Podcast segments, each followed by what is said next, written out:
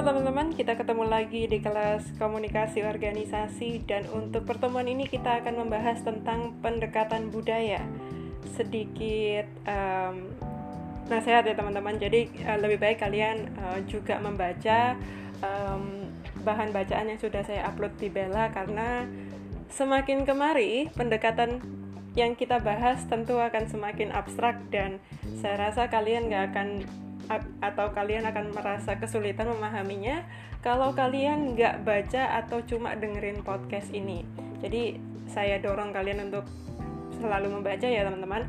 Oke, teman-teman yang udah join terima kasih dan jangan lupa setelah ini kalian bisa cek dulu uh, apakah sudah absen. Kemudian juga bisa diisi forumnya jika ada pertanyaan dan yang terakhir akan ada tugas sifatnya wajib. Oke, okay, uh, eh, teman-teman setelah ini saya akan menjelaskan lebih panjang lagi tentang pendekatan budaya. Ya, uh, berharapnya sih nggak terlalu panjang ya, kayak uh, sekitar 20 menit aja gitu.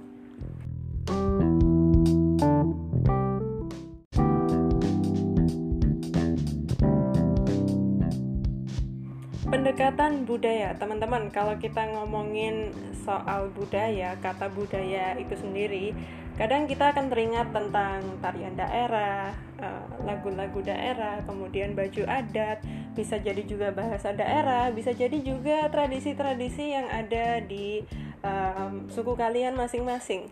Nah, teman-teman, pendekatan budaya ini memang sebenarnya muncul uh, atau mendapat pengaruh dari studi-studi antropologi.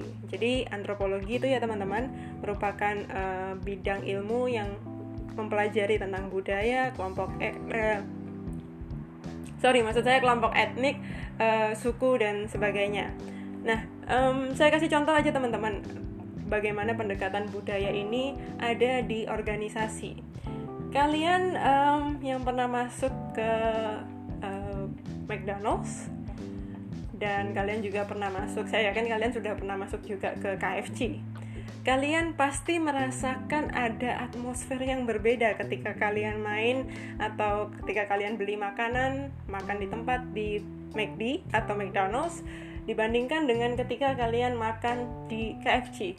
Ada perasaan yang berbeda aja gitu, ada atmosfer yang berbeda. Nah, itu itu adalah contoh ketika ada dua organisasi yang berada atau dua organisasi yang berbeda yang bisa kita umpamakan sebagai dua budaya yang berbeda. Nah, teman-teman, um, dalam pendekatan budaya ini uh, intinya adalah memandang organisasi itu menggunakan metafora budaya. Nah, metafora budaya ini sendiri saya akan jelaskan melalui tiga topik. Topik yang pertama adalah budaya itu merupakan sesuatu yang dimiliki oleh organisasi. Topik yang pertama ya, saya ulangi lagi, budaya adalah sesuatu yang dimiliki organisasi. Topik yang kedua, budaya adalah organisasi itu sendiri. Jadi paham ya bedanya? Yang pertama, budaya merupakan sesuatu yang dimiliki organisasi, sedangkan topik yang kedua adalah budaya itulah sendiri organisasi. Budaya adalah organisasi itu sendiri. Nah, uh, topik yang ketiga ini uh, merupakan topik yang di uh, secara khusus ya teman-teman dibahas oleh penulis di buku tersebut. Jadi ini uh, topik dari teorinya Edgar Edgar Sain teman-teman. Jadi menurut dia, menurut si Edgar Sain itu budaya merupakan asumsi, nilai, perilaku dan artefak yang organisasi perlihatkan sebagai upaya untuk beradaptasi dengan segala kemungkinan dari luar maupun dari, uh, dari dalam.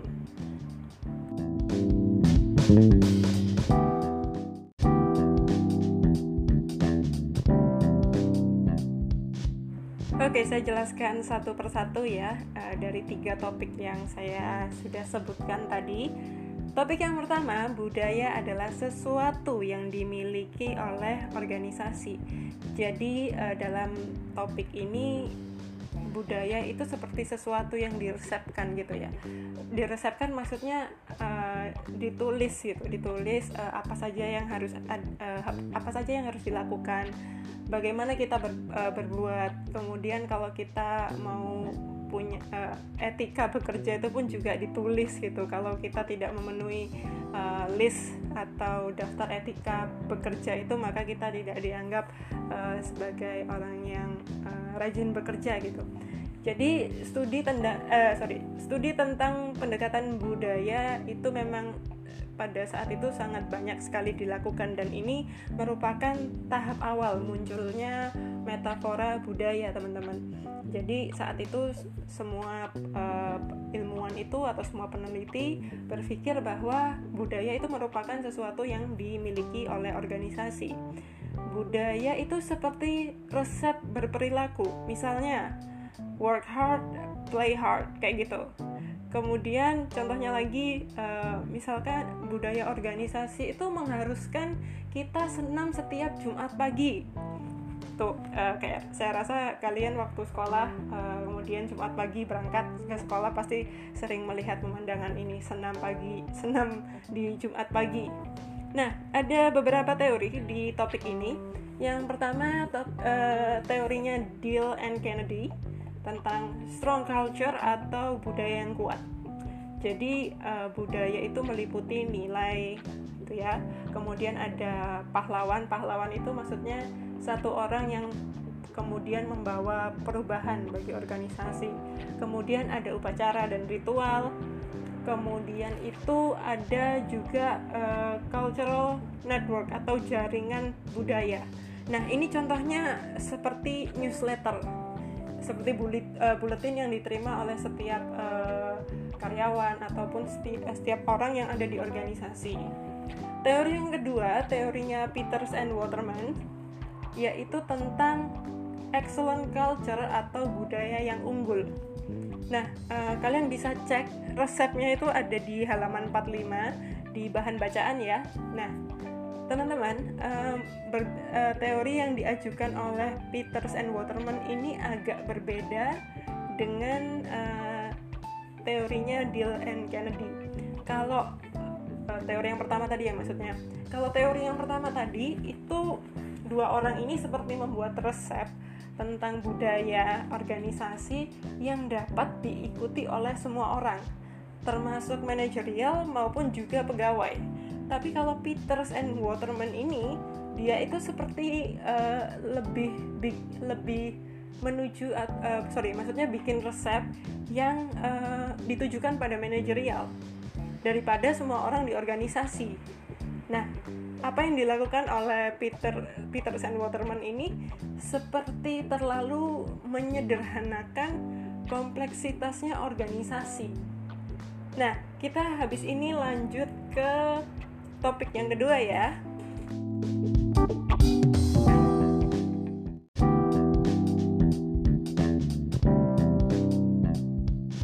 Topik yang kedua teman-teman, budaya adalah organisasi itu sendiri.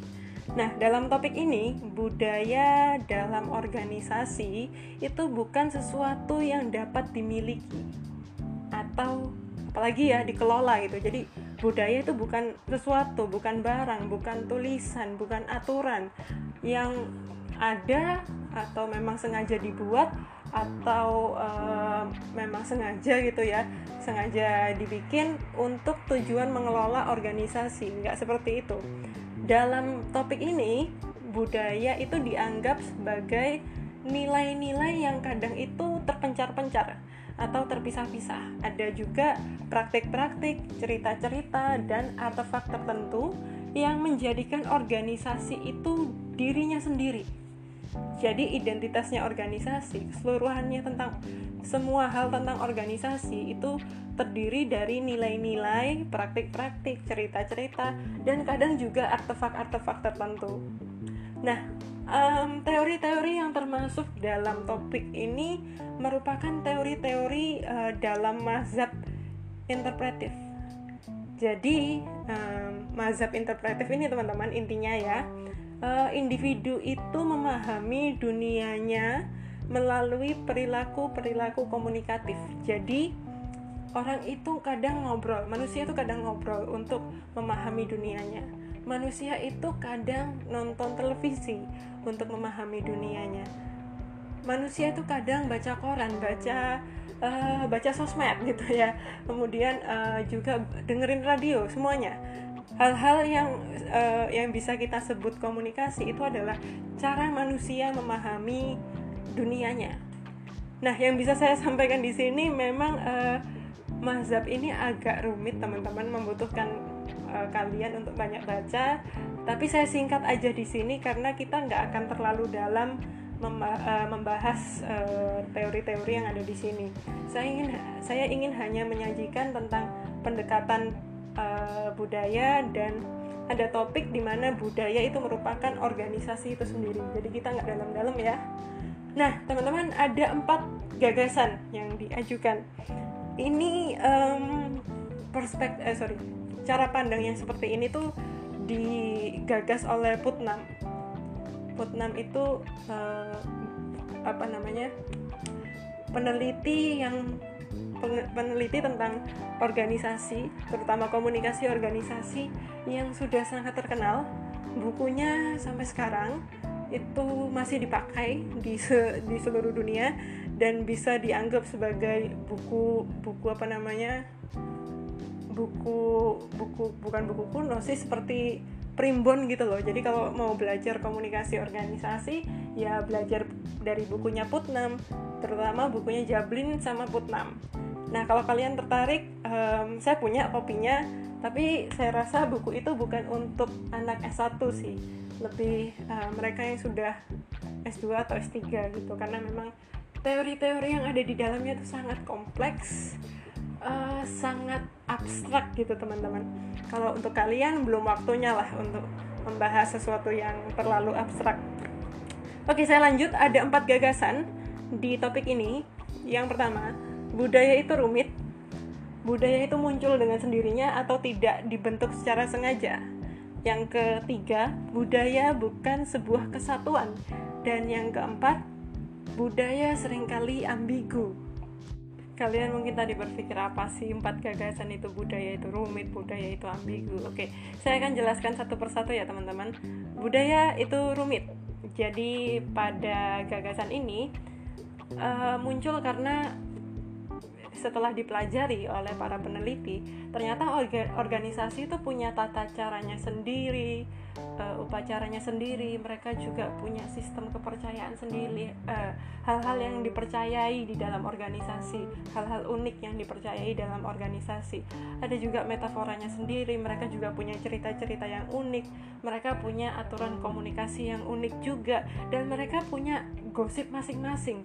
Jadi uh, satu organisasi dengan organisasi yang lain bisa jadi memiliki uh, upacara yang berbeda metafora yang berbeda cerita-cerita yang berbeda, aturan yang berbeda, gosip yang muncul di setiap organisasi itu mungkin juga tidak sama gitu. Maka itu budaya disebut rumit. Gagasan yang kedua, budaya itu muncul dengan sendirinya. Dalam artian tidak ada pihak yang bisa membuat budaya. Budaya itu muncul melalui proses komunikasi antar anggota Nah, proses ini uh, biasanya proses yang interaksional, proses yang kontekstual, episodik, dan penuh improvisasi. Dalam artian ini sangat dinamis sekali ya prosesnya. Uh, misalkan um, gosip uh, gosip gitu ya gosip yang yang muncul di pabrik rokok tentu berbeda dengan uh, gosip yang muncul di uh, pabrik pabrik uh, sorry pabrik plastik gitu ya. Karena itu tadi budaya itu muncul dengan sendirinya. Dan seperti yang saya katakan tadi di awal budaya itu rumit karena mereka karena setiap budaya itu punya cerita-ceritanya sendiri aturannya sendiri gosipnya masing-masing juga dan budaya itu yang ketiga ya teman-teman. Uh, gagasan yang ketiga budaya bukan sebuah kesatuan. Contohnya aja um, misalkan BCA nih bank BCA oh sorry bank BCA itu clear ya harusnya ngomongnya cuma BCA karena uh, ini namanya Bank Sentral Asia menyebut BCA itu kan sudah termasuk banknya gitu ya Oke, misalkan organisasinya tuh sama-sama BCA. BCA itu kan punya banyak sekali cabang ya teman-teman. Budaya organisasi yang ada di cabang Sidoarjo Sun City tentu akan berbeda dengan di cabang Darmo Surabaya seperti itu. Jadi meskipun mereka sama-sama satu organisasi, budaya yang berada di setiap cabang itu pasti berbeda, tidak ada kesatuan. Kemudian uh, gagasan yang keempat, budaya sering kali itu ambigu. Maksudnya adalah peneliti itu tetap akan selalu memperoleh kesulitan ketika mereka mempelajari organisasi, ketika mereka mendapatkan gambaran utuh tentang budaya organisasi, karena yang namanya organisasi itu terus berubah, dinamikanya luar biasa sekali. Topik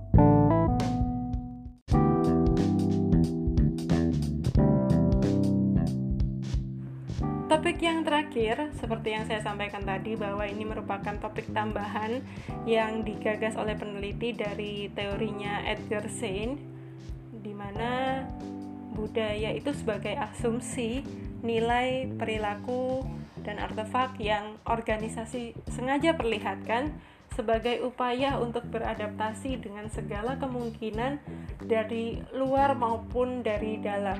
Agak panjang ya tapi memang seperti itulah teman-teman gagasannya. Jadi um, di teorinya Edgar Sain ini um, dia punya empat definisi budaya. Definisi budaya yang pertama yaitu budaya sebagai fenomena kelompok. Jadi kelompok satu dengan lainnya pasti akan berbeda kemudian budaya itu sebagai pola asumsi dasar. Budaya itu juga seba uh, sorry budaya itu muncul dan terbangun dengan sendirinya seperti yang sudah kita pelajari di topik yang sebelumnya teman-teman. Dan yang terakhir budaya itu sebagai sosialisasi. Nah di poin ini terlihat sekali bahwa yang namanya budaya itu terbentuk melalui proses komunikasi. Nah um, Edgar Sain ini juga membuat model budaya. Gambarnya silahkan kalian cek di halaman 93 ya. Jadi ada tiga level yang dia bikin. Misalkan level 1 adalah artefak. Level 2 adalah nilai yang menyertai. Level 3 adalah asumsi dasar. Misalkan teman-teman uh, saya ambil contoh perusahaan perusahaan supplier ayam jadi perusahaan ini bisa supply ayam ke KFC, McD dan sebagainya. Um, artefaknya adalah logo. Logo dan juga slog, uh, tagline atau slogan yang dia miliki. Nah uh, tagline atau slogan itu ditulis dalam bahasa Indonesia atau bahasa Inggris gitu misalnya. Dan itu ada huruf gitu yang terlihat uh, sorry huruf yang disusun untuk uh, menyatakan slogan itu itu merupakan artefak. Jadi artefak itu yang uh, yang kelihatan bentuknya. Di dalam uh, studi antropologi, artefak itu bisa jadi keseni uh, seni tari, kemudian bisa jadi lagu daerah, kemudian bisa jadi juga uh, baju adat. Nah, itu merupakan contoh-contoh artefak jadi yang kelihatan gitu ya teman-teman nah level 2 merupakan nilai yang menyertai um, kalau cerita saya tadi tentang uh, supplier uh, perusahaan supplier ayam dengan uh, namanya namanya namanya namanya perusahaan itu kemudian logonya dan juga ada slogannya itu pasti semuanya memiliki makna. Logonya itu pasti memiliki makna. Nah ini berkaitan dengan level 3 asumsi dasar. Nah semua logo kemudian nilai-nilai uh, yang terkandung dalam logo itu, kemudian nilai yang terkandung dalam uh, slogan itu pasti berkaitan dengan asumsi yang paling dasar atau um, seperti inti dari organisasi itu. Ini bisa jadi visi dan misinya. Jadi asumsi dasar itu contohnya bisa jadi uh, visi dan misi, gitu ya teman-teman. Oke, itu saja teman-teman yang saya sampaikan untuk uh, pertemuan kali ini uh, saya rasa nggak terlalu panjang ya. Semoga nggak membosankan. Kalau kalian ada pertanyaan eh sorry kalau kalian ada pertanyaan silahkan uh, masuk ke forum dan boleh bertanya di situ. Uh, jangan lupa juga dikerjakan tugasnya. Itu aja teman-teman. Minggu depan kita ketemu lagi. Sampai jumpa